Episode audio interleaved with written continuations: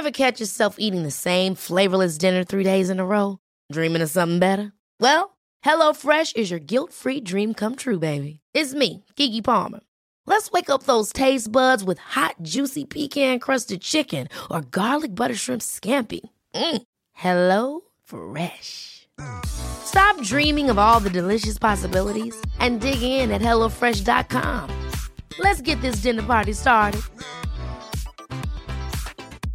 Many of us have those stubborn pounds that seem impossible to lose, no matter how good we eat or how hard we work out. My solution is PlushCare.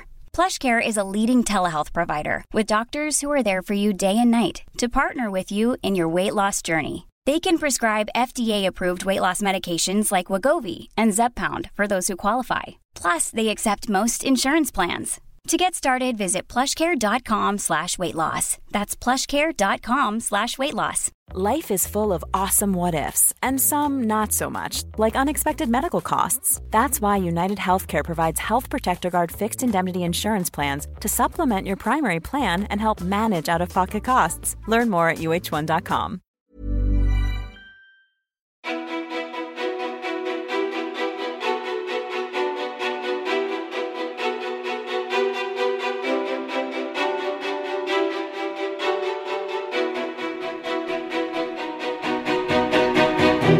Josefin Dahlberg lever ett minst sagt innehållsrikt liv. Hon har varit chefredaktör för Modett och programlett webb-tv-serien It Girls. Hon bloggar, har en egen assistent, gör podcasten Josefin och Vanja med Vanja Wikström och den egna podden Monday Mantra. Hon har 80 000 följare på Instagram och gav 2018 ut inte bara en utan två böcker. Josefin använder sig av mottot Dream Big och jobbar hårt för att sprida inspiration och välmående. Hon kom nyligen hem från Indien där hon utbildade sig till yogalärare. Josefin är glad, färgsprakande och levererar videos till sin Youtube-kanal på löpande band. Men livet har inte alltid varit inspirerande citat och framgång för Josefin. Som 20-åring sökte hon hjälp för sin alkoholism och 12 februari i år är det nio år sedan hon blev nykter. Hon berättade nyligen om hur ett ex var otrogen mot henne och hon har pratat om destruktivitet, ångest och relationer som inte håller. Vad var vändpunkten i hennes liv? Finns det destruktiva kvar? Vem är egentligen Josefin Dahlberg? Varmt välkommen till podcasten Ofiltrerat med mig, Sofia Peterfia Ståhl. Wow! Hej Jossan! alltså ett så härligt att vara här och alltså, när du läser, du vet det blir konstigt när någon annan rabblar upp sådär om en själv. Ja det blir det va? Ja men det blir lite det, alltså man får en liten reality check. Ja, på, alltså på vilket sätt då? Nej men först framförallt med alla grejer som du rabblar upp som jag gör. För att alla säger att det görs mycket grejer och jag tycker ju så här, ja det gör man väl inte. Men du vet, när, du har ju verkligen gjort en, en research. Väldigt bra. Ja, bra. Eh, och, och då bara, ja det lät ganska mycket. Ja. ja, men det är ju så mycket. Ja. Ja, men så kul att vara här Fia. Äntligen får jag säga. Ja, vad kul. Ja. Alltså, jag har ju velat bjuda in dig jättelänge men jag hade ju Vanja i höstas. Så då tänkte jag så här, jag måste ju vänta lite i och med att, inte för att ni är samma människa eller person, men ni är så sammankopplade. Så bara, ja. okej, jag måste bara låta det gå lite Lufta emellan. lite emellan. Exakt. så glad att få vara här. Ja, men vad roligt. Tack för att du ville komma. Men om vi så ska börja med det här, är det inte märkligt att så här, både du och jag är ju en bransch som influencer, eller vi en, en, stor del av det vi gör är ju att vara influencer i mm. liksom blogg och influenceryrket. Och alla människor som jag träffar som är i det här yrket har just den så här, inställningen och liksom relationen till att så här, men gud, gör jag så där mycket saker? Och jaha, nej men det har jag inte tänkt på. Mm. Och så här, vad är det med en eller oss eller vi eller någon som gör att man liksom inte tar in det? Är det för att det är så förväntat? Att man, eller att man ska vara lite så här jag tror att, Ja, nej men jag tror att för mig handlar det om att så mycket grejer är så kul och mm. typ att jag nästan tycker att det är ett skämt att jag får jobba med det här. Så jag tror att av den grejen så har jag lite så förminskat det för mig själv att eh, eh, jag tänker inte att det är så, så, så stort så mycket just för att så här, det här är det jag en gång tänkte så här tänk om jag skulle kunna jobba halvtid och få blogga på halvtid. Det mm. vore min största dröm. Det var ju min dröm för fem år sedan. Ja. Och nu får jag göra allt det här. Och då är det nästan som att liksom det är för bra för att vara sant. Så att man inte ser det på som så här mycket jobb. Eh, men samtidigt så, så vet jag ju i och för sig att jag gör mycket grejer. Och det har ju varit det som jag pratar jättemycket med om med mina vänner, familj, relationer. Mm. Som ju alla säger att jag jobbar lite för mycket och sådär. Ja. Men jag måste faktiskt då säga att eh, det har skett en stor förändring vilket känns väldigt skönt. När sk- skedde den? Ja, men den tog liksom start under hela förra året. Eh, Jag bara, i och för sig, i och för sig så hände det väldigt mycket förra året. Ja. Men, ja. Men det hände en mental förändring framför allt. Och jag kände mig liksom inte, det var nog första året jag inte kände mig så här hjärtklappningsstressad. Eh, Jag hade mycket så här tunga grejer på gång. Men jag kände inte att jag gick runt med andan i halsen. Och någonstans så har jag försökt att ta med det det liksom in i det här året och dessutom inte då lägga på för mycket tunga projekt. Så att, att det är båda liksom gott. Och just nu så känner jag liksom nästan så här, nej men gud var det inget mer jag måste göra idag? Att jag liksom kan gå på de här högarna som man aldrig hinner. Hur, vad gör det med dig då? Blir du lite så här, men gud är jag inte aktuell längre? Eller känns det skönt? Eh, nej, men det gör nog bara att jag tycker att det känns skönt. Men jag är ju, alltså samtidigt så, så vill jag ju påminna mig om att det är så början på typ februari, och, eller januari och det är liksom, allting har inte kommit igång än. Och jag har mycket roliga projekt. Men den stora grejen är att jag har tackat nej till jättemycket saker. Eh, sånt som jag förut tog Eh, ja, men för att jag var inne i vevan, du vet när man är igång då är det lätt att bara ja, ja, ja, ja, ja, ja, ja men ja, ja, ja. Medan nu när jag tagit ett aktivt val att så här, men det jag gör ska kännas liksom bra, vettigt, viktigt eh, och annars kan jag skippa det. Och dels har jag, kan jag göra det nu för att jag har jobbat så mycket så att jag har liksom eh, möjligheten att kunna säga nej. Men också för att känna att så här, nej men nu är det nog. Jag kommer inte hålla på att eh, jobba dygnet runt. Det är liksom inte värt det. Utan eh, när jag ska jobba så ska det vara värt det. Och då får det bli färre grejer. Mm. Ja, för förra året, så om jag bara tänker tillbaka på eh, jag som, har, försöker hålla så mycket koll jag kan. Då var det så, om det var förra året eller året innan så var det ju också fortfarande väldigt tätt med Nyheter 24-gruppen och lanserade eh, ett beautymärke tillsammans med dem. Men det klevde av sen. Ja, precis. Det var ett och ett halvt år sedan jag slutade med det faktiskt. Mm. Gud, tiden går så jädra snabbt. Ja, den gör ju det. Eh, det är helt galet. Ja, men precis. Jag startade upp lite varumärken där med dem. Och, ja, men då var ju jag uppe i min liksom... Då var det mycket, Ja. mycket på gång. Eh, och sen var det såklart, alltså det som var mycket förra året det var ju mina två böcker då, som du nämnde. Jag hade ju nästan bokdeadline samtidigt på de här två. Helt Min sjukt. egna och en då tillsammans med Vanja.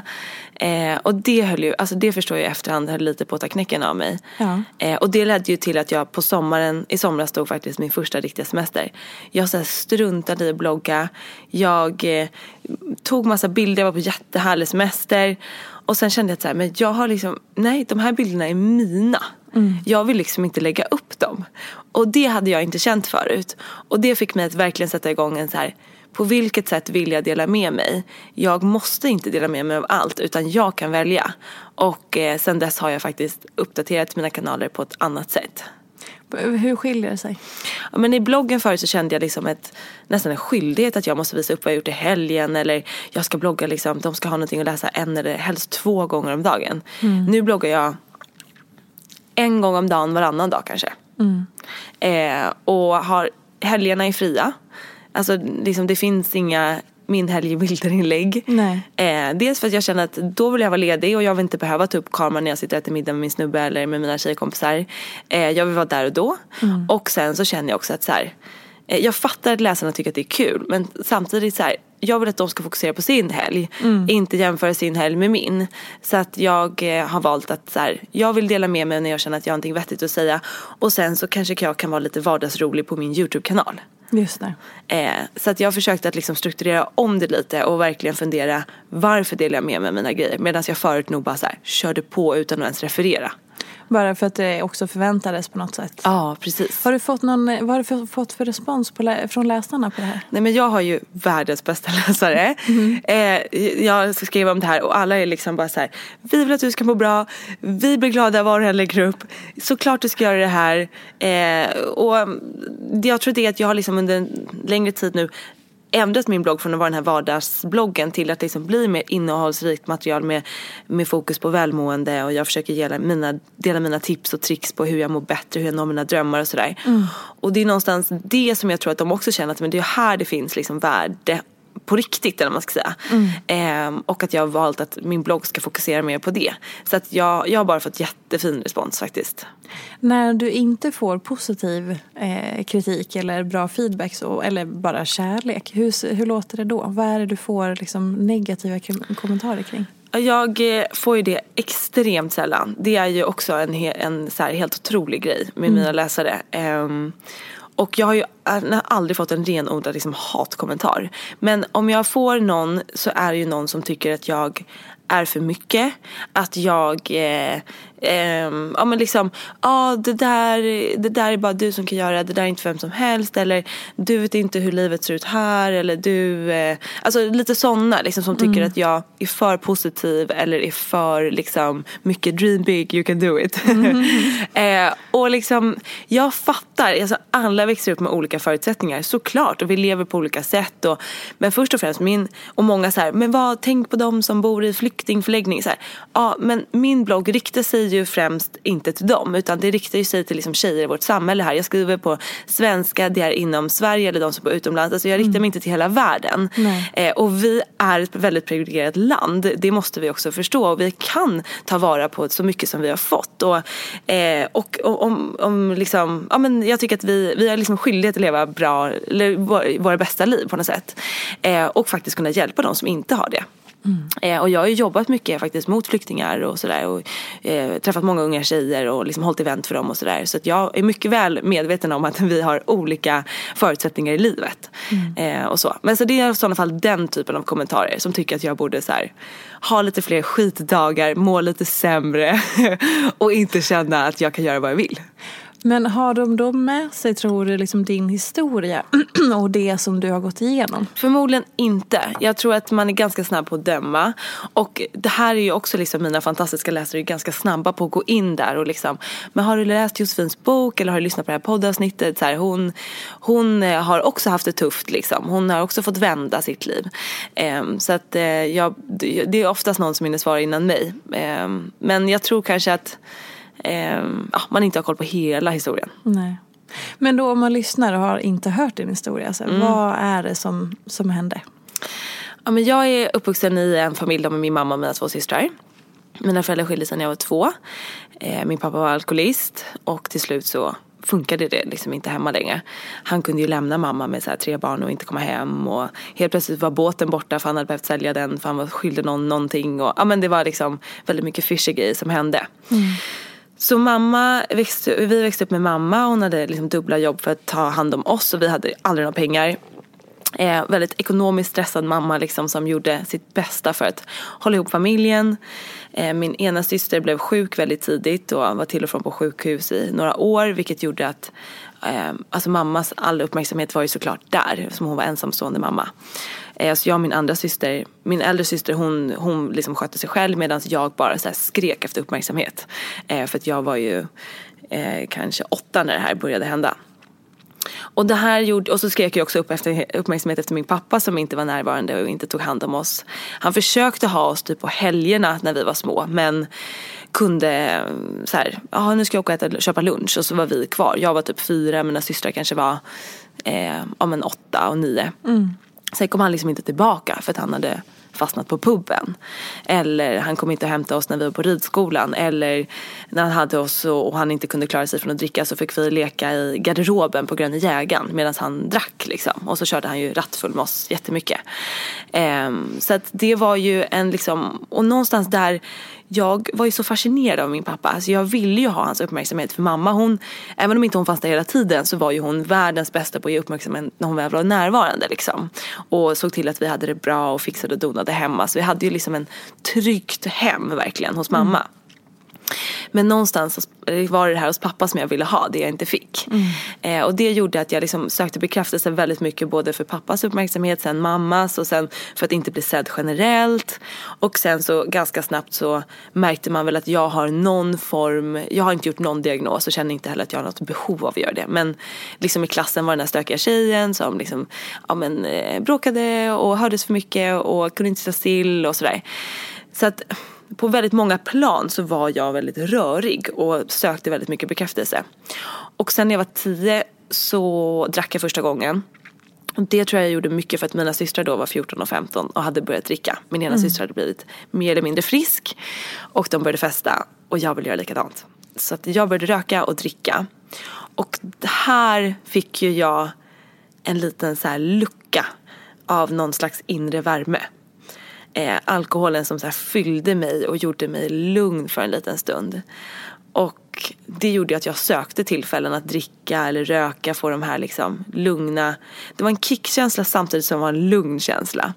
Jag började snatta, men jag gjorde väldigt mycket grejer för att liksom dämpa mitt, min ångest som jag nu förstår att jag hade redan som tioåring. Men det var ju ingenting man pratade om då såklart. Nej. Och man pratade ju absolut inte om alkoholism heller. Så att eh, vi pratade inte riktigt om pappas problem. Inte alls? Hemma, nej. Det var liksom bara mer att man visste att man aldrig visste hur det skulle vara med honom. Eh, om man skulle dyka upp på födelsedagen eller inte. Mm. Han hade en grej att han liksom var borta varje sommar i typ tre månader. För då kunde han ju så här, bo, när det var varmt, då, alltså, han kunde bo i skogen, han kunde ja, men, eller så var han på så här, franska rivieran. Alltså, han var en riktig kameleont. Han hade inte en krona, han fick inte äga någonting. Suttit i finkan liksom så här. Men vär, alltså, han är också världens härligaste person. Eller han lever inte längre, han var det. Eh, men var en riktig sån här, skärmade allt och alla. Var kompisar med, jag har ju träffat på honom så här, på Kungsan på parkbänken liksom med alkisar. Mm. Men också med någon kompis som äger något slott typ. Alltså han är så här, väl, går liksom hem överallt för att han förmodligen tyvärr då inte hade liksom någon egen person utan han bara anpassade sig hela livet mm. till omgivningen den han var i. Och eh, nej men så det var väldigt många olika grejer och alkoholen för mig blev liksom min paus. Och det gjorde att jag drack, drack, drack, drack, drack. Och med åren så blev det ju värre och värre och värre. Och när jag var 15 så började jag och mina kompisar liksom laborera med så här, men hur, hur ska vi få dig att inte få blackouts, inte göra saker du ångrar, inte eh, ja, men liksom vara festens drama queen. Hur ska vi få dig att kunna dricka lite mer normalt? Så redan då började de se ja. att det är ett problem och du med? Mm. Du tog, kunde du då ändå när, de, så här, när ni började prata om sånt, kunde du ändå säga jo men det är något som inte känns så bra här för Ja, men jag, jag sa ju liksom så här, ah, men jag har alkoholproblem, det är för min pappa. Mm, du hade ändå koll på det direkt? Alltså det var så uppenbart. Mm. Det var liksom, mamma fick ju hämta mig på festerna. Jag fick ju byta skola några gånger också för att jag ja, men var med om så här jobbiga grejer på fyllan. Och, som vadå? Ja men en snubbe som utnyttjade mig när jag gick sjuan. Eh, när jag fick en blackout och låg inne i ett rum på en fest. Och sen så var det en massa andra personer som liksom stängde, alltså det här blev liksom en kul grej på festen. Så att de andra liksom stängde in personer i det här rummet så de skulle se hur han försökte ha sex med mig fast jag låg där. Jag var tolv. Men eh, Ja men och, det, och, och liksom efter det så var ju jag såklart så här, eh, skolans hora. Mm. Eh, så att jag fick ju byta skola då. Alltså det, ja. Okay. Ja, nej men det är ju vidrigt och det mm. är de här grejerna hade jag bestämde jag mig då för att så här, jag kommer aldrig berätta det här för någon i hela mitt liv. Alltså det här var den största grejen som jag skämdes för. Jag kände mig som världens vidrigaste tjej. Mm. Fast jag var ett barn liksom. Mm. Uh, och, och, gick tillbaka till min gamla skola då och började pendla igen för vi hade liksom flyttat. Um, och ville inte berätta för någon där. Och fick gå in på min så här Playahead-sida som man hade då och radera liksom kommentarer från mina gamla klasskompisar då, som, så att ingen skulle fatta varför jag hade bytt tillbaka. Liksom. Um, men med tiden och framförallt nu är jag liksom mycket äldre och förstår att jag hade ingen del i det överhuvudtaget. Liksom. Det var ju helt vidrigt. Och, och jag önskar att man hade pratat om sådana här saker då så att jag till och med kanske hade vågat berätta för mamma eller för en kompis eller vågat till och med polisanmäla honom. Mm. Men det fanns ju inte på världskartan. Min grej var ju att jag efter den helgen låste in mig på mitt rum i en vecka och vägrade komma ut. Så mamma fick ställa så mat utanför dörren. Men hur, för, hur liksom, du berättade ändå inte? För hon, hon, måste ju ha varit helt förtvivlad. Ja. Bara, vad är det som händer med mitt barn? Ja, men mamma har försökt att ta mig kanske till alla såna här skolkuratorer. Men jag har ju suttit tyst. Du vet, de har suttit och väntat mig en timme. Jag vägrar mm. prata. Jag bara så här, stängde av. Helt. Och blev liksom som förstenad. Och det var en, det var en grej som jag kände, alltså fram tills för kanske om inte vet jag, sju, fem, sju år sedan. Så liksom någonting har blivit för jobbigt eller med en relation eller någonting, då blir jag, alltså jag blir fryser till is inombords. Mm. Jag kan liksom inte få ur mig, alltså även om jag typ vill säga något så kan jag inte få ur mig någonting. Och jag vet att mina tidigare killar har ju tyckt att det här är superfrustrerande, men vad är det för fel på dig? Jag tror att jag blev så skadad på många sätt som gjorde att det var min så överlevnadsinstinkt. Att bara så här stänga av allt. Mm, det låter som någon slags överlevnadsläge, mm. typ. Och nu har jag ju jobbat på att tina upp den här sidan mer och mer. Så nu babblar jag som aldrig förr. Men hur känns det, alltså den förändringen då? Uh. Har du, för så här, jag kan känna igen det här med att stänga av och att inte vå våga. För jag tror, eller för mig var det att jag vågade inte ta i vissa saker för jag var så rädd för vad som skulle komma fram då. Ja. Eh, så att då blir så här, det, det blir en trygghet att kunna stänga av för då är man ju safe i det där. Ja, ja, precis. Och hur vågade du bryta det? Ja, men det har kommit med åren. Alltså de här åren, nu har jag varit nykter som du sa då i nio år snart här. Det är fantastiskt. Ja, det, det varje år. Jag bara, har jag räknat fel? Så, nej, jag blev nykter 2010 så det är ganska enkelt att hålla Ja. koll. Ja, eller hur? 2019. Men, nej, men så att jag har jobbat mycket med mig själv och mycket så här personlig utveckling och jobbat jättemycket med att ta hand om min ångest och liksom. Och någonstans där så har jag ju vågat närma mig mig själv. Förut så var det ju precis som du säger, jag var för rädd för att möta det som fanns inombords. För att jag visste inte vad är det för monster som finns där. Så då var det lättare att inte titta och bara liksom antingen, antingen så var jag liksom på eller av. Antingen stängde jag av eller så var jag liksom bara så här utåt, utåt, utåt och gjorde tiotusen saker så att jag inte behövde ha en stund med mig själv. Och nu kan jag ju åka, så nu åker jag mycket på retreats och sånt och liksom är tyst i några dagar och sitter och mediterar i timmar och sådär. Och då får man ju verkligen möta sig själv. Men det hade jag ju aldrig kunnat göra för sex år sedan. Så det, har ju, det tar tid. Och det här vet jag någonting, ja, men som läsare som skriver till mig, så här, men gud nu har jag gjort det här i några veckor eller några månader men det händer ingenting. Alltså om vi har levt på ett sätt i många, många år så äh, tar det ju kanske inte lika många år att liksom släppa det men kanske hälften. Alltså vi får inte ha så bråttom. Det här är liksom riktiga saker som tar tid. Hade det varit enkelt, hade det varit någonting, gör det här i en månad så, så är det klart. Då hade vi alla gått runt och känt oss fria och må bra. Så att man måste komma ihåg att vara, eh, ha tålamod. Och liksom det gäller våra egna liv så att vi måste ha tålamod. Eh, och våga vänta. Men vad, vad hittar du för monster när du började våga närma dig då? Ja men alltså, om vi säger så här, sista åren som jag drack. Då sökte jag ju också så här, hjälp, alkohol och drogmottagning. Och jag åt mediciner. Eh, gick hos alkoholterapeuter. Eh, och inget liksom hjälpte, det blev bara värre och värre. Och jag började få panikångestattacker och, och liksom mådde väldigt, väldigt dåligt. Eh, kunde liksom ena veckan inte vara själv, andra veckan ville jag inte vara med någon. Så där höll jag på. Och såg liksom, min framtid såg väldigt mörk ut.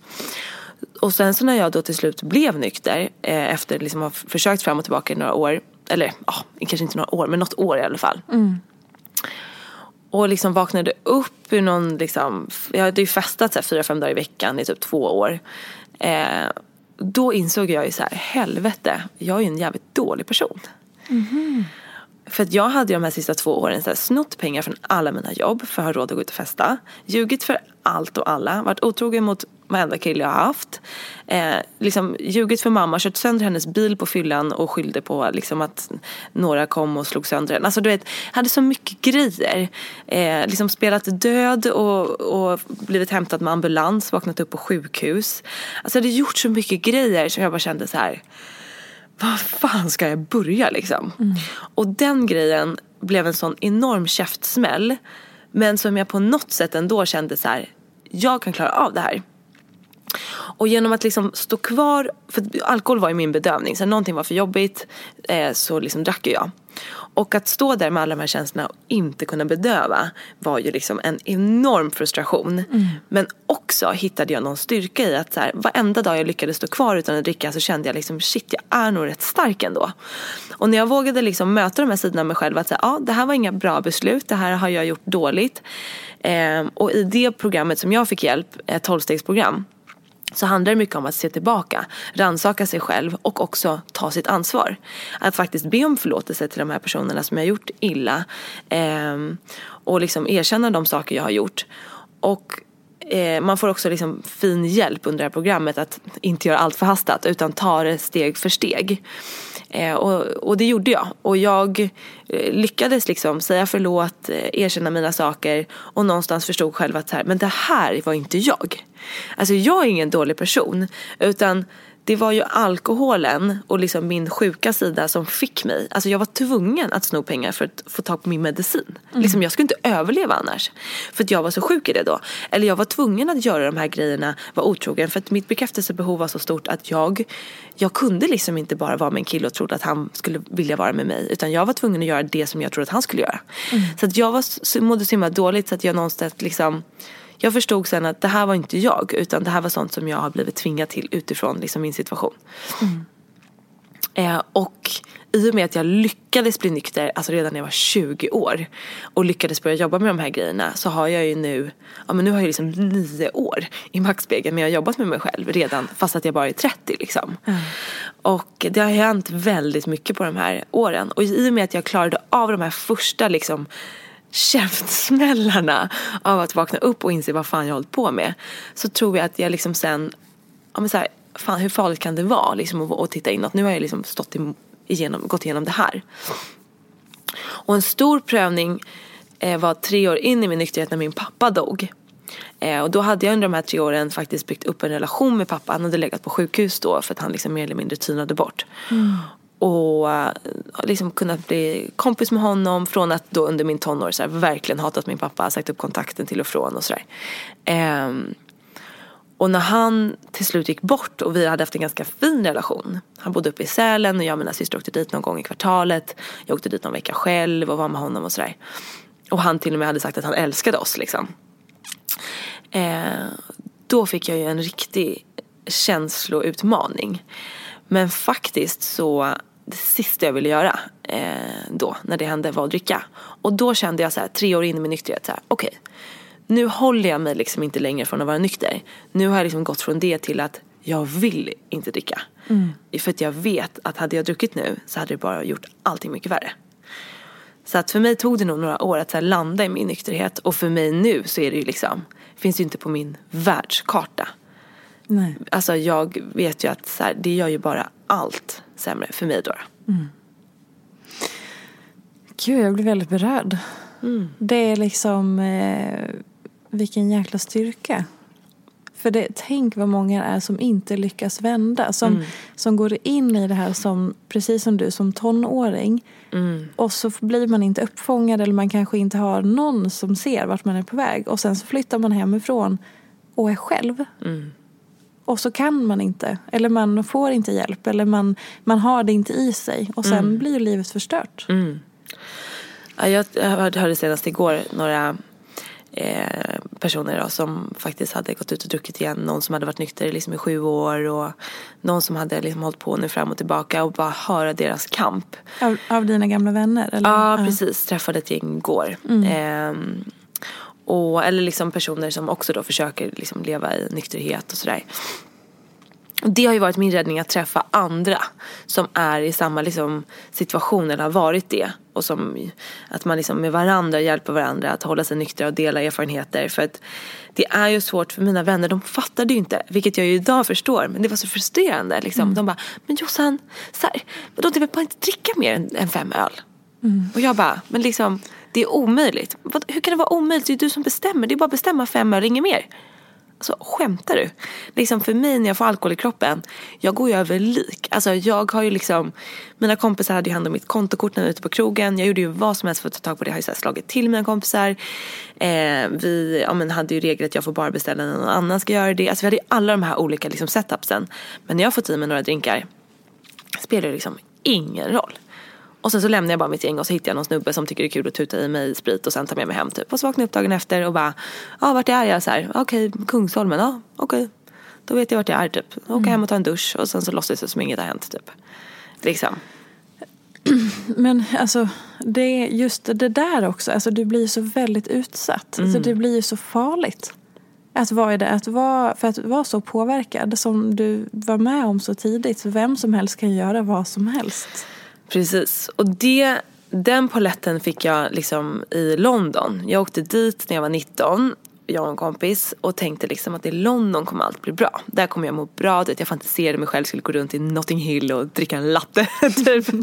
skulle, du flytta, ja, skulle du flytta dit? Ja, vi, stack, uh. vi satte så här, vi fick, upp, fick uppehåll på jobbet. Eh, jag hade lyckats liksom bli butikschef på något café här i stan. Vilket är så här, vi hade butik och café, alltså, vilket är helt sjukt för jag misskötte det där jobbet så dåligt. Sov på lagret, liksom, gick direkt dit från krogen. Ja. Eh, men så vi stack till London. Men efter tre veckor så hade jag ju såklart supit bort pass, mobil, alla pengar och haft liksom mina längsta minnesluckor som var uppe på typ sex timmar. Och eh, så sista kvällen när jag hade liksom den här långa, långa minnesluckan, det var då vi bestämde oss för att åka hem. Men några kvällar innan så så vaknade jag faktiskt upp. Eller så här, jag hade liksom varit superpackad. minnesluckor men får tillbaka liksom någon slags minne när jag är i en lägenhet med två snubbar på någon soffa och jag bara inser att så här, jag måste ta mig härifrån nu. Mm. Och det här, liksom jag har ingen aning om hur jag har kommit dit, jag har ingen aning om vart jag träffat de här snubbarna eller någonting. Men jag vet bara liksom att det jag kommer ihåg är att jag bara får panik och måste ut ur den här lägenheten. Och att de typ så här, relax typ. Det är det enda jag hör att de försöker lugna ner mig och jag får liksom värsta spelet. Och lyckas då ta mig ut ur den här lägenheten och hem. Eh, och det var, alltså så här, det konstiga nu är att så här, då var det ingen grej för mig dagen efter. För att det hade hänt så mycket grejer så att jag liksom bara såhär, ja ah, skönt att jag kom hem typ. Mm. eh, men där, liksom min sista minneslucka som var så superlång och eh, inte någon aning om vad som hade hänt. Då kände jag att så här, vad som helst kan hända. Mm. Och här hemma i Stockholm kände jag mig ändå lite trygg. Eh, men där, så här, vi hade varit på ena sidan av London och helt plötsligt vaknade jag på andra sidan av London och bara ingen aning så här, hur jag kom hit. Eh, och då fick jag mig en riktig tankeställare. Sen tog det ett halvår till efter att jag kom hem till att jag blev nykter. Men absolut, alltså det hade kunnat hända vad som helst. Och det hände, det hände ju också, också ja. mm. eh, en hel del grejer. Men, och jag tror eh, ja, nej men så det, det fanns ju, och de där grejerna blev ju också någon slags liksom ett till lager av ångest eller ett till lager av att jag kände mig värdelös för att jag tog liksom allt, jag skämdes ju av mig själv liksom. Och som sagt mina kompisar som bara, men liksom ska du inte ikväll ta det lugnt? Men liksom det, hade jag kunnat hade jag gjort det. Jag ville ju liksom inte att de här grejerna skulle hända. Nej. Men jag var, blev ju helt, liksom, min alkoholism eh, kickade ju väldigt, väldigt tidigt och har ju den garanterat från min pappa. Och för mig då när jag började dricka, det finns liksom inget stopp. Och det är ju det som de här personerna som jag hörde om igår och liksom de som inte lyckas, alltså den är så stark, den här kraften. Och jag vet ju min egen pappa, han lyckades ju liksom inte eh, vända. Och men när jag hörde de här historierna igår så blev jag så påmind och bara kände så här det där hade kunnat vara jag. Alltså jag får aldrig ta det här för givet. Jag får mm. aldrig liksom tänka att nu är jag klar med det där, jag är bättre än det där. Eller nu går det så bra, jag behöver inte tänka på det där längre. Jag har varit nykter så länge. Jag, alltså, jag kan ta ett min, glas vin. Ja, nej men alltså, det är min största liksom, fiende. Så att jag ser det ju som att så här, jag har liksom en frisk sida och en sjuk sida i mig. Och jag kommer ha dem i hela mitt liv. Jag kommer aldrig bli helt, helt frisk. Men jag behöver hålla min friska sida starkare än min sjuka sida. Så att när min sjuka sida kommer och bara, hörru, fan det här kanske är bra. För det är klart att den tankar kommer ju. Det händer ju oss alla liksom. Sen får jag alltså extremt sällan så här, du kanske ska dricka. Men det kan ju hända. Det kan vara andra grejer för mig. Ta en cigg eller eh, eh, det kan också vara typ jobba hela tiden. Det kan ju vara sådana grejer. Eller mm. käka inte det där. Att jag håller min liksom, starka sida i trim. Att den bara så här, lyckas tysta ner den sidan så att den tar över liksom. Mm. Eh, så det är ju det jag jobbar med i princip varje dag. Eh, och det tror jag är det många liksom, läsare som slinker in på mina kanaler inte fattar. Att de tror liksom att där sitter jag och bara Oh dream big, you can do it.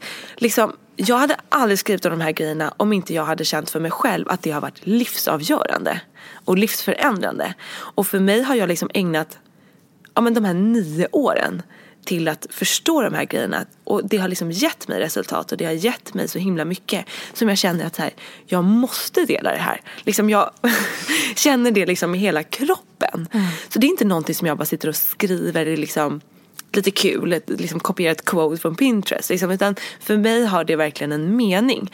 Sen fattar jag att man kanske inte ser det om man bara ser det förbi farten. Mm. Här står jag, en ung liksom, tjej som ser eh, fräsch ut och liksom säger det är klart du kan göra det här. Liksom, jag fattar att det kan misstolkas. Och det är därför jag kände också att jag vill öppna upp mig. Jag skrev min bok då, som handlar om hela min story och äh, liksom väldigt mycket alkoholfokus och både hur det är att vara uppvuxen till en alkoholiserad pappa men också få alkoholproblem i så tidig ålder. Att liksom att den finns där. Mm. Eh, och att jag kan liksom visa hela min historia. Ryan Reynolds här från Mint Mobile. Med priset på nästan allt som går upp under inflationen, trodde vi att vi skulle bring våra priser down. So to help us, we brought in a reverse auctioneer, which is apparently a thing. Mint Mobile unlimited premium wireless. Have to get 30, 30, bit to get 30, bit to get 20, 20, 20, bit to get 20, 20, bit to get 15, 15, 15, 15 just 15 bucks a month. So, Give it a try at mintmobile.com/switch. slash $45 up front for 3 months plus taxes and fees. Promo for new customers for limited time. Unlimited more than 40 gigabytes per month slows. Full terms at mintmobile.com. Hold up. What was that? Boring. No flavor. That was as bad as those leftovers you ate all week. Kiki Palmer here, and it's time to say hello to something fresh and guilt-free. Hello Fresh. Jazz up dinner with pecan-crusted chicken or garlic butter shrimp scampi. Now that's music to my mouth. Hello Fresh. Let's get this dinner party started. Discover all the delicious possibilities at hellofresh.com. This is Paige, the co-host of Giggly Squad, and I want to tell you about a company that I've been loving, Olive and June. Olive and June gives you everything that you need for a salon quality manicure in one box. And if you break it down, it really comes out to $2 a manicure, which is absolutely insane. It's also so easy to get salon worthy nails at home with Olive and June. The difference between how your nails used to look when you did them yourself and now with the Manny system is a complete game changer. The best thing about Olive and June too is it's a quick dry. Dries in about one minute, lasts for five days, and full coverage in up to one to two coats. Visit oliveandjune.com slash perfectmanny20 for 20% off your first system. That's oliveandjune.com slash perfectmanny20 for 20% off your first system. Since 2013, Bombas has donated over 100 million socks, underwear, and t shirts to those facing homelessness. If we counted those on air, this ad would last over 1,157 days. But if we counted the time it takes to make a donation possible, it would take just a few clicks. Because every time you make a purchase, Bombas donates an item to someone who needs it. Go to bombas.com slash ACAST and use code ACAST for 20% off your first purchase. That's bombas.com slash ACAST, code ACAST.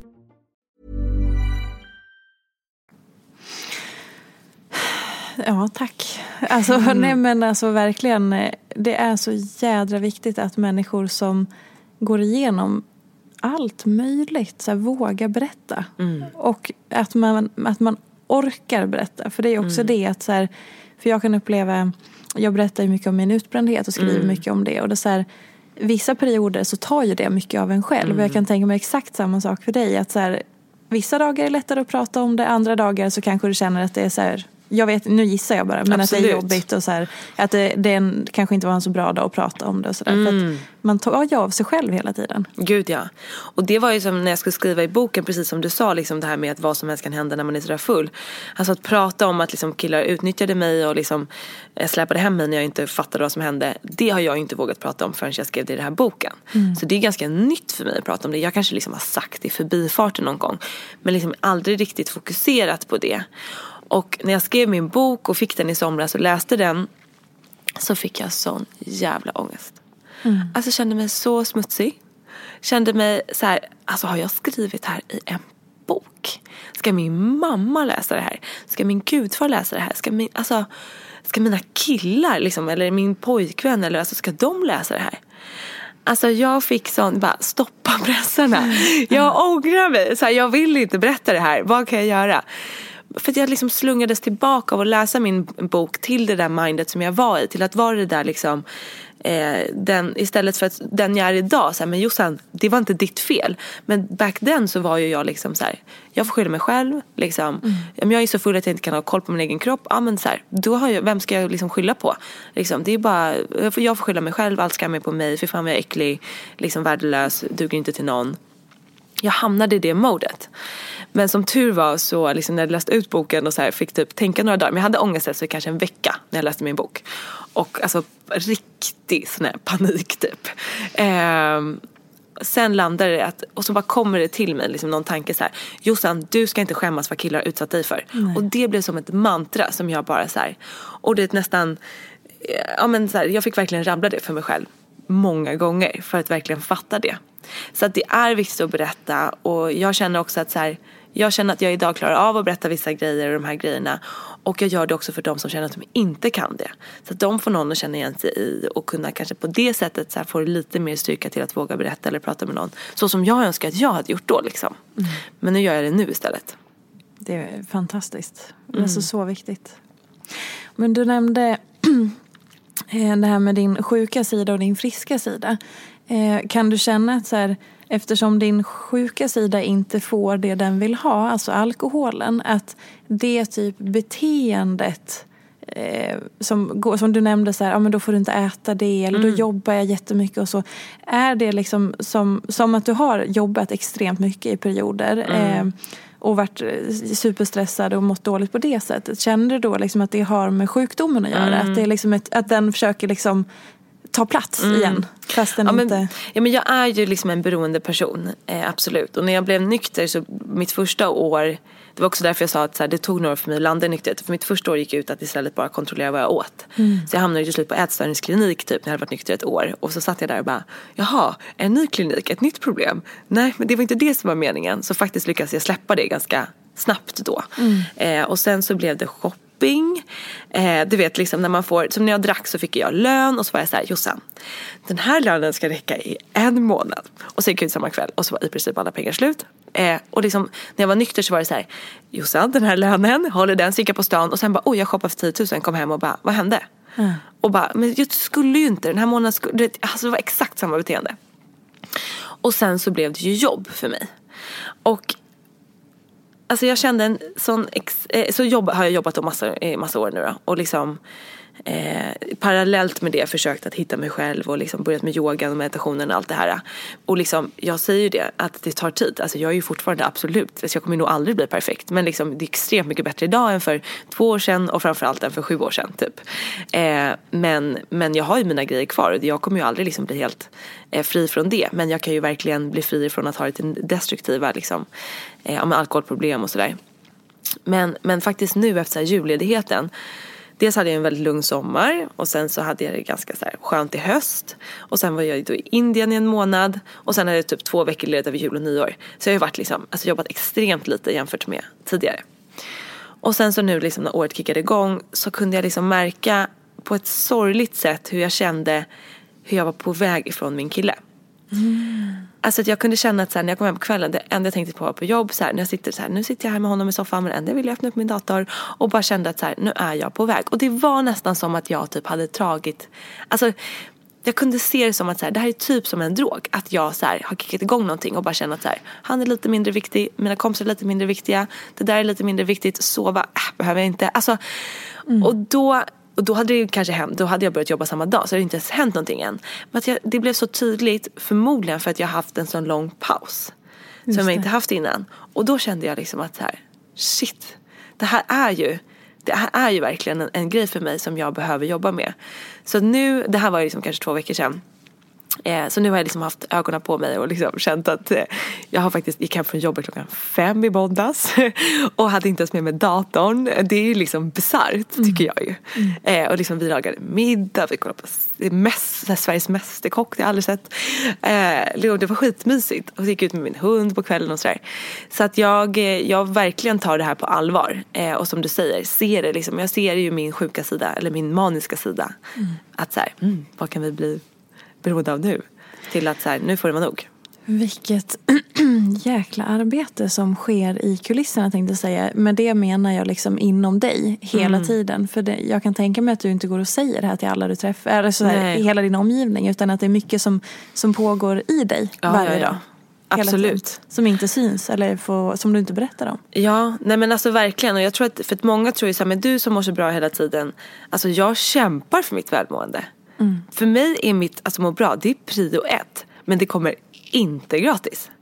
Alltså jag, det är ju inte så att jag säger, åh jag tycker det är kul att gå upp tidigt och yoga och meditera varje morgon. För det är så himla härligt. Så här. Det är klart som fan jag hellre ligger kvar i sängen. Alltså det är ju mycket skönare. Men jag vet att jag behöver göra mina grejer. För att liksom komma i rätt form, komma i rätt mentala form. För att liksom ha en bra dag. Och jag märker ju att när jag skippar de grejerna och stressar på morgonen eller liksom skiter i mina grejer så mår jag sämre. Och det märks. Alltså det märks verkligen. Jag vet att det märks i rummet vilket humör jag är på. Och jag vet ju att jag kan ju känna det starkt att så här, nu är jag ju på det där dåliga jävla tråkiga humöret. Men så här, det kan vara så jävla svårvänt. Jag var det senaste i måndags. Jag vet att vi skulle podda, vi skulle göra grejer. Och det var kämpigt som fan för mig att så här, skratta till. Eller liksom, för att jag hade liksom, nej det var ingen bra dag. Så att för mig är det, det kommer ju, alltså jag ska säga så här att förut så mådde jag dåligt men hade ju såklart bra dagar. Nu mår jag ju bra eh, men har ju såklart också kämpiga dagar. Eh, och skillnaden är att förut så trodde jag att man var så här, antingen mår man dåligt eller så mår man bra. Men så här, livet är ju en del av båda. Och försöker vi att så här, allt är superbra hela, hela tiden. Då går man ju runt och undviker en ganska stor del av livet. Man måste ju våga känna efter och våga liksom känna alla känslor som livet bjuder på. Och våga vara ledsen, våga ha en dålig dag. Eh, och jag försöker bli bättre på att liksom dela med mig av det. Och ja, men kan absolut prata om det i podden och liksom, eh, men i min egna podd. Och där är det väldigt lätt att liksom, säga sådana saker.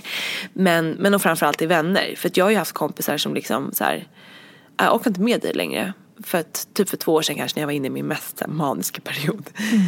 Så här, du, eh, du, du mår ju fan aldrig dåligt. Det är aldrig något som är problem. Så här, ah, du grät inte ens när din pappa dog. Typ. För jag var så himla rädd att visa att jag mår dåligt. För, för mig har det varit som en så här, det är som att jag är tillbaka i så gamla dåliga destruktiva Jossan. Just det. Så det har varit som ett enormt bakslag för mig att alltså, ha ångest eller må dåligt. Att jag bara så stängt in det och inte vågat visa det för någon. Och också för att så här, när jag då hade en dålig dag kanske och vågade visa det för mamma. Då bröt ju hon ihop och bara Vad kommer hända? Hur är det? Du vet, och jag bara men gud, aha, shit jag kan inte ens ha en dålig dag utan att så här, alla typ, ska ringa ambulansen typ. Mm. Så det tar ju många år att fatta och nu fattar jag att jag får ju må dåligt och jag får en dålig dag eller liksom känna att idag orkar jag inte dela med mig och det är helt okej, då måste jag inte göra det. Eh, men jag försöker att förutsätt, ge mig själv de bästa förutsättningarna för att må bra. För det är ju mycket skönare liksom att känna sig liksom känna sig trygg och känna sig liksom bekväm i sitt eget skinn än att ha den där liksom jobbiga dagen. Men den är ändå okej. Mm. Jag tänkte på det du sa, det här med att eh, hela den här grejen att du har eh, alltså blivit utnyttjad av killar och varit mm. så utsatt på olika sätt. Hur påverkar det när du har en relation? Alltså när du blir kär eller dejtar mm. eller att våga släppa in någon och så, lita på det manliga könet. Ja. Eller den manliga man Jag vet inte, ja. du fattar vad jag menar. Ja, jag fattar. Ja, men det har jag också... Det var jobbigt liksom i början. Men jag träffade en kille första året som jag blev nykter. Som jag var ihop med i tre år. Som var liksom världens finaste person. Och vi bodde ihop och han var jättefin. Och jag någonstans trodde ju liksom kanske att det skulle hända någonting, att han skulle vara otrogen och sånt där. Men, men det visade alltså så här, det, det, blev inte så utan han var fin rakt igenom. Och jag tror att det gav mig jättemycket. Att jag direkt fick en så här fin relation som jag kunde lita på till 110 procent. Mm. Så att han har hjälpt mig jättemycket och vi är fortfarande jättebra kompisar. Och eh, han betyder jättemycket för mig liksom. Så det tror jag lagade många delar av mig. Men sen så är det såklart att det har funnits med liksom, i något liksom, slags bakhuvud. Men sen, det som däremot blev viktigt för mig, det var att liksom, så här, börja äga min egen sexualitet. Eh, det tyckte jag blev viktigt. Så att istället för att så här, nej men jag vill inte ha sex eller känna mig osäker så var jag så här, hallå, jag har förlorat fett många år på att så här, bli utnyttjad och så här, ha dåligt sex, sex som jag inte ens velat ha. Mm. Nu så ska jag bestämma när jag vill ha sex och jag ska njuta av det och det ska vara en härlig grej. Mm.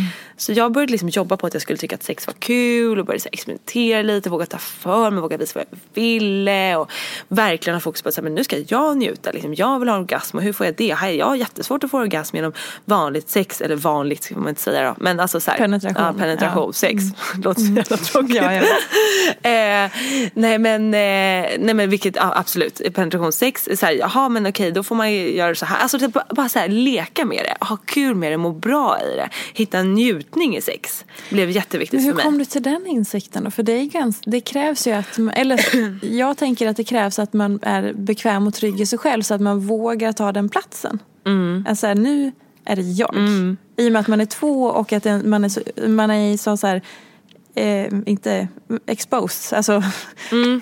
i, i sexet eller i den sexuella ja. situationen. Ja, men det, jag tror att det dels kom att jag blev trygg av min relation men också så att jag under de här åren då jobbade med mig själv att våga liksom, aha, men typ jag började jobba med så här frågor, Mitt, mina första frågor var så här, vem är jag och vad vill jag? Man mm. bara, eh, jag har ingen aning, liksom världens svåraste fråga. Och bara gick och tänkte på det här, så här vad är mitt varför i livet? Aha, så här, hur kan jag aldrig ha tänkt på de här grejerna? Det här borde ju vara det som är så här, det man tänker på. Men jag hade liksom ingen aning. Så när jag började jobba med de här grejerna bara, jo men shit jag känner mig ganska stark. Jag känner mig att jag vill liksom ha ut mycket av mitt liv. Jag känner att jag vill göra någonting meningsfullt. Jag vill, jag vill, jag vill må bra i mitt eget skinn. Liksom, jag vill må bra i min egen kropp. Och i de grejerna gjorde det att jag liksom, tror jag landade och liksom även då i sexgrejen. Men sen, ble, sen blir väl det, alltså varför jag tror att jag liksom gick all in på sexbilen ganska snabbt tror jag var för att så här, jag behövde göra lite revolt mot det som hade hänt. Mm. Och jag gjorde det på det sättet. Att jag hade en drivkraft där på något sätt. Att så här, nej men det här måste jag ta tillbaka. Alltså någon har tagit min sexualitet ifrån mig och gjort vad de vill med den och jag behöver ta tillbaka den. Ehm, och det, Fick du stö- alltså, din kille, förstod han och stöttade dig? jag tror inte att jag pratade så mycket om det här. Nej. eh, Så, utan det här var nog en mer, jag har ju haft en mentor under alla år. Eh, jag hade en mentor i ett år och sen har jag haft samma nu i åtta år. Och vi pratade jättemycket om det här. Så Mm. det är ett hett tips att ta hjälp av någon. Var hittade Eh. du den personen? Ja, men det är en tjej som själv blev nykter när hon var typ 30. Så att henne hittade jag liksom via ja, den behandlingen som jag gick. Men, eh, men man kan ju hitta en mentor på, på massa sätt. Och det finns ju också massa så Facebookgrupper med folk som vill vara mentorer som ställer upp gratis och så.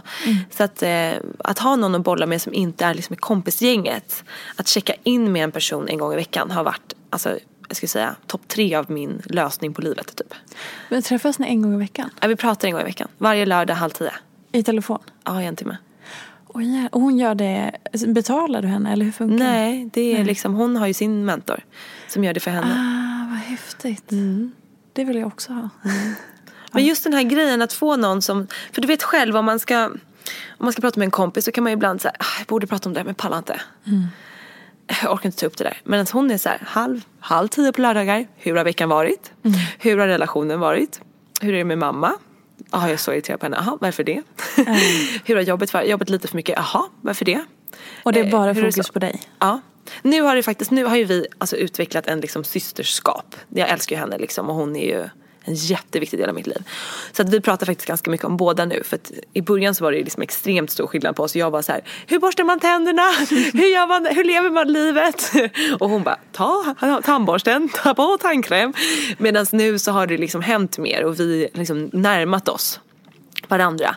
Så nu har vi båda liksom, jag kan faktiskt till och med så här, ibland kan hon fråga mig om råd. Vilket är jättefint. Men hon ställer mig fortfarande liksom, vi checkar in varje vecka. Oavsett om jag är på humör eller inte. och det har varit jätteviktigt. Det för förstår jag. Eh, Det låter helt fantastiskt att ha en sån person i livet. Så att hon var ju ett stort stöd när jag liksom igenom, gick igenom den här liksom sexgrejen. Eller när jag bestämde mig för att göra slut med den här killen. Liksom, för att jag kände jag är inte kär i honom. Han är världens bästa person men jag är inte kär i honom. Jag förtjänar att vara i ett förhållande som är världens bästa med världens person och, och där jag dessutom ska vara kär. Och sen så träffade jag killar liksom och sådär och har inte haft något problem med att träffa killar och eh, haft lite mer problem med att släppa in killar. Och, eh, men ändå eh, inte varit sådär Alltså jag har ju fortfarande varit all in. Jag är ju tjejen som man dejtar och sen så liksom två helger efter åker vi till Paris.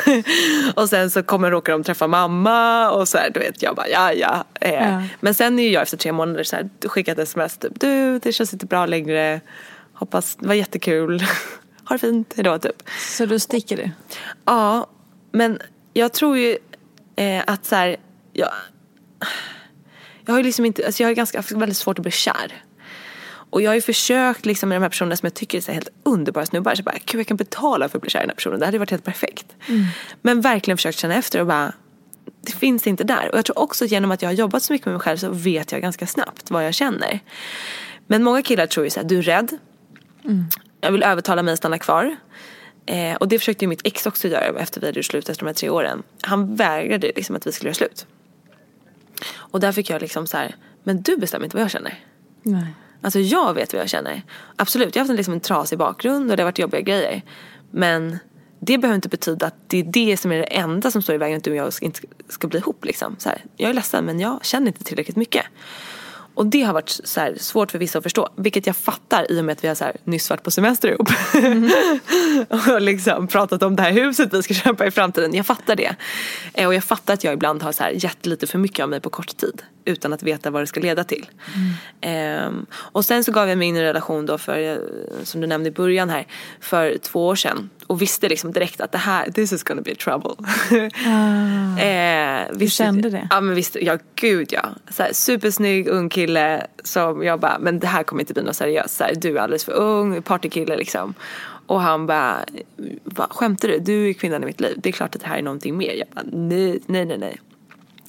Men där kände jag ju så här, shit här finns det ju mer känslor liksom. Här är ju någon som jag faktiskt blir kär i. Så vi blev ihop och ganska snabbt och liksom var hela tiden dygnet runt och hade så jävla kul ihop och han, vi började jobba ihop och så här. Och han fick synas i din blogg? Han fick synas i min blogg, första killen på väldigt länge som gjorde det. Jag hade faktiskt en fin relation däremellan också. Men som tog slut faktiskt av att den eh, ja, en person i dens väldigt nära omgivning gick bort och det blev för mycket grejer liksom, och jag kände bara att vi var på så olika plan att han behövde liksom göra sina grejer själv innan, vi var inte samma sits liksom. Nej men och då så med den här snubben så vi körde på och, och liksom jag visste ju att han hade alkoholproblem. Visste ju det. Det var, liksom det, var ju det vi pratade om. Och liksom så här, han kunde, ja ska bara dit och så blir det två, tre timmar och jag bara så här, herregud Jossan, då hade jag varit nykter i sju år. Liksom, du borde veta bättre än det här. Det är klart du inte ska vara med han. Du vet ju att det här, du vet vad det här kommer bli. Jag såg ju bara min pappa rakt igenom. Eh, och sen mycket riktigt så var han otrogen mot mig när han var hög och packad i Barcelona. Och eh, det var ju liksom den här totala skräcken. Alltså det jag liksom har varit livrädd för. Att liksom besviken av en man igen. I och med att min pappa ja, men så här, kom och lovade grejer, stack, dök inte upp hela, den här, hela min uppväxt. Mm. Och är någonstans med mina så här, ex och liksom själv, jag har ju varit otrogen då för att jag ska vara den som är först otrogen i och med att mina killar kommer vara otrogna, trodde jag. Och så händer det liksom. När jag har varit nykter i sju år. Ja. typ. Och är kär. Och är kär. Och det var ju, jag trodde ju alltså att jag skulle dö. Av känslor. Alltså jag, det gjorde så jävla ont. Fy fan. Äh, det var vidrigt. Jag var bara så här. Fuck, fuck, fuck, fuck, fuck, fuck. Alltså jag kommer ihåg att jag gick runt i min lägenhet och bara. Vad ska jag göra, vad ska jag göra, vad ska jag göra? Berättade han själv? Nej, det var den där tjejen som skrev till mig. Nej.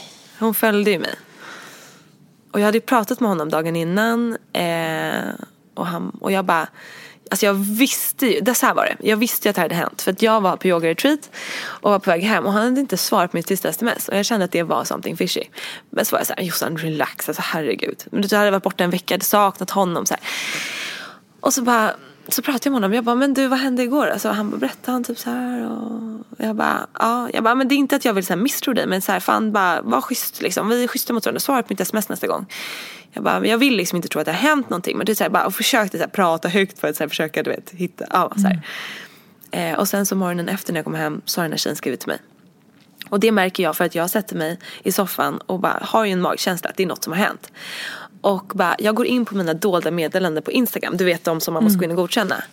Och bara, jag, jag vet till 100% att det är en tjej som kommer skriva till mig där. Och så vet, sen så min liksom, bara, Jossan skärp dig.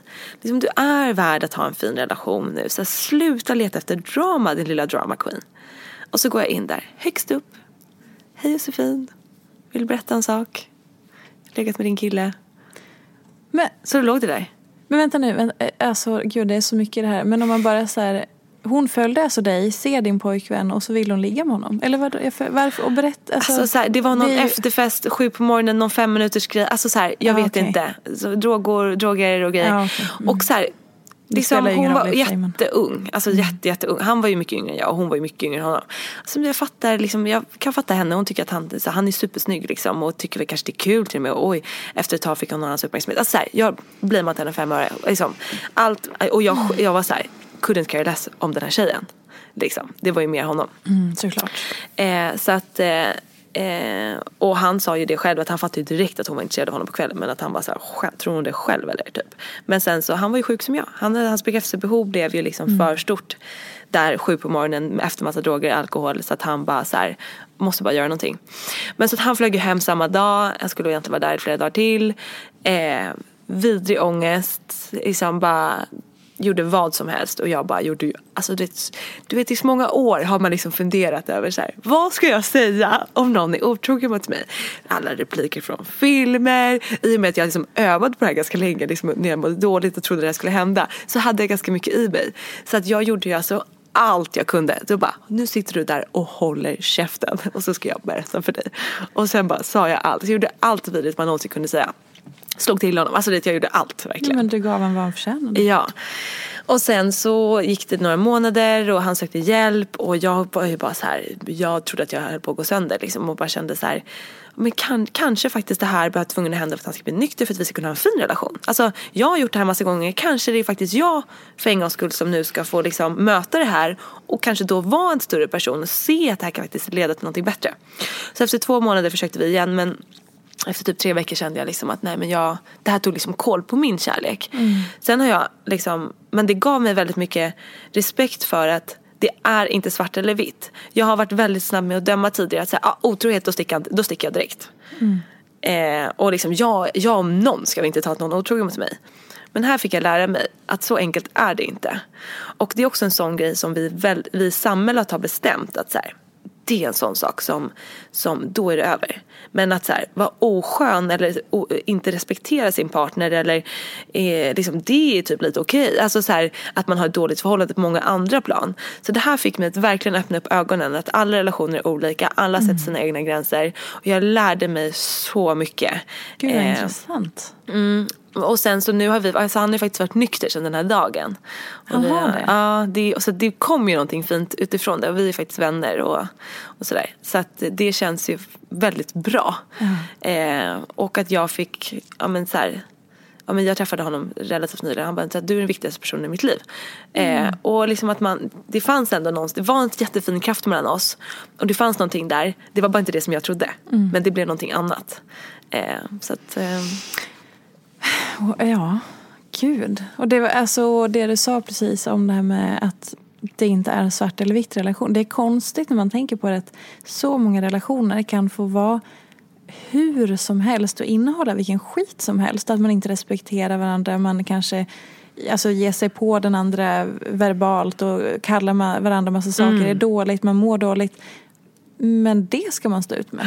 Men länge ett inte- fylleknull, det Ah, ja. kan passera. Eller det får inte Ah. passera. Ja, jag vet. Alltså, och det här fick jag ju också märka så här, shit vad mina vänner har åsikter. Mm. Alltså så här, att berätta att din partner varit otrogen, då vet man lite var sina vänner står. Mm. Märkte jag. Och det är såklart för att, för att det är ju inte okej och det, så får man Absolut. inte göra. Men som du säger, det finns en till dimension på det. Det finns det och någonstans så måste det vara upp till var och en att bestämma själv. Mm. Alltså skulle, skulle liksom mitt ex då ha varit otrogen med någon på jobbet och de hade gått hem och legat varje eftermiddag. Liksom, det är en helt annan grej ser jag det som. Alltså det finns ju olika dimensioner av att vara otrogen. Alltså, Mm. Det är ju ett enormt svek som har pågått liksom, på ett annat sätt. Ehm, och det här, liksom, i och med att det fanns liksom hela problematiken med alkohol, alkoholproblem och sådär så ger det ju en, en grej som jag har en större förståelse för. Jag sa ju till honom, jag fattar dig. Jag har gjort det här 20 gånger själv. Alltså jag fattar exakt vilken sits du var i. Och jag fattar att du inte ville det här överhuvudtaget och att du nu liksom kan betala vad som helst för att liksom få det ogjort. Jag fattar ju det. Men liksom som när det här kom upp med mina vänner och liksom vet vänner som är i förhållanden som liksom är ja men så, liksom, du vet som man själv bara tycker är en mardröm. Eh, men då liksom har väldigt mycket att säga. Så här, det är klart som fan att du inte ska, vilket svin, lämna honom. Och liksom, alltså med mina systrar också, de var ju så himla rädda om mig såklart. Men, så här, eh, men den som var mest förstående var typ min mamma faktiskt. Hon var väldigt sådär. Och många, alltså vissa kompisar också, och några var, var väldigt snabba med att sätta ner foten. Så här, det här är ditt beslut. Vi finns här. Och liksom när, när, när det hade hänt allt det här i några veckor och han hade liksom börjat söka hjälp och varit nykter och sådär två månader innan vi provade igen så var mina närmsta kompisar, även de som liksom hade tyckt in, eh, annorlunda tidigare. De var ju så här, jag hade gjort samma sak som du. Det här känns verkligen som att det var, en, det var liksom en fyllegrej. Typ så. Ja, så jag vill inte döma ut. Så jag valde att göra slut med honom sen. Men jag fattar om man, om man vill vara tillsammans med någon efter man har gjort en sån här grej. Vilket jag innan aldrig kunde förstå. Så att, eh, och liksom klarar man av det så ja, man får göra det som, som är bäst för en och ens partner helt enkelt. Väldigt kloka avslutningsord för tyvärr så måste vi avsluta för klockan är 13 över och du måste springa hem och släppa in några målare. Men eh, herregud vad roligt var att du ville gästa och jag är så här helt tagen. Jag bara sitter och bara, jag säger inte ens någonting, jag bara lyssnar. Åh gud, det var så fint att vara här och få prata av mig. Ja gud, jag har pratat mycket. Ja, men det, och det är fantastiskt. Och vet du vad? Jag tycker att det är helt magiskt att så här, det här med dream big och sånt. Det finns ju, så här, du har en sån bra ett syfte med det som är viktigt. För jag kan ibland kritisera fenomenet, inte dig, men liksom det här med att världen är en lekplats och man ska tänka så stort och så för att jag upplever att det ger en stress och press på folk. Men som du säger, det är, här, det är ju den första anblicken. Och sen så finns det någonting bakom det som man också kan lyckas förmedla. Så är det ju väldigt, väldigt inspirerande för många. För att det handlar om att ta hand om sitt liv och ta ansvar för sin situation Mm. och komma liksom vidare. Ja, och komma ihåg att dream big betyder olika för varje person. Precis. För, för någon kanske det är att så här, köpa det där huset på landet. Mm. Som man vet i hjärtat att man vill. Men som ens hjärna bara, men gud det är för problematiskt att bo där. Alltså så här, Mm. det kan ju betyda vad som helst. Och mitt dream big nu är ju att så här, yoga meditera mer och bara liksom ta det lite lugnt, leva lite softare. Alltså Ja. jag känner att så här, 2019 ska bli ett soft år. Åh vad behagligt. Eller hur? Ja. Du får komma och yoga hos mig. Ja, men väldigt alltså, gärna. jag, vet, jag kände det igår när jag gick hem. Bara, jag har liksom utbildat mig till yogalärare. Då fick jag nästan nypa mig i armen. Mm. För att det, liksom, när jag var i Indien, det var så mycket som hände där på den här månaden som man knappt fattade. Och nu bara, jaha. Men liksom, det har ju också varit en dream big grej för mig. Och nu är jag det och nu jäklar ska jag liksom ta vara på det. Ja, det är fantastiskt. Och det hann vi inte ens gå in på. Du får komma tillbaka en annan gång. Ja men gärna. Bra. Och följ Jossan i alla sociala medier. Josefin Dahlberg överallt. Yes. Bra. Puss och kram och tack för att ni har lyssnat. Hej då! Hej då! Följ mig gärna i sociala medier. Jag heter Peterfia på Instagram och bloggar på peterfia.se. Vill du komma i kontakt med mig så gör du det på info.peterfia.se.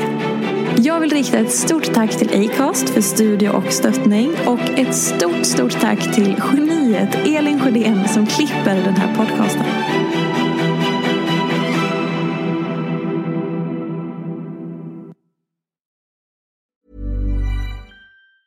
Planning for your next trip? Elevate your travel style with Quince. Quince has all the jet setting essentials you'll want for your next getaway, like European linen, premium luggage options, buttery soft Italian leather bags, and so much more. And is all priced at 50 to 80% less than similar brands. Plus, Quince only works with factories that use safe and ethical manufacturing practices. Pack your bags with high-quality essentials you'll be wearing for vacations to come with Quince. Go to quince.com slash pack for free shipping and 365-day returns. Hold up. What was that? Boring. No flavor. That was as bad as those leftovers you ate all week. Kiki Palmer here, and it's time to say hello to something fresh and guilt-free. Hello Fresh. Jazz up dinner with pecan-crusted chicken or garlic butter shrimp scampi. Now that's music to my mouth. Hello Fresh. Let's get this dinner party started. Discover all the delicious possibilities at hellofresh.com.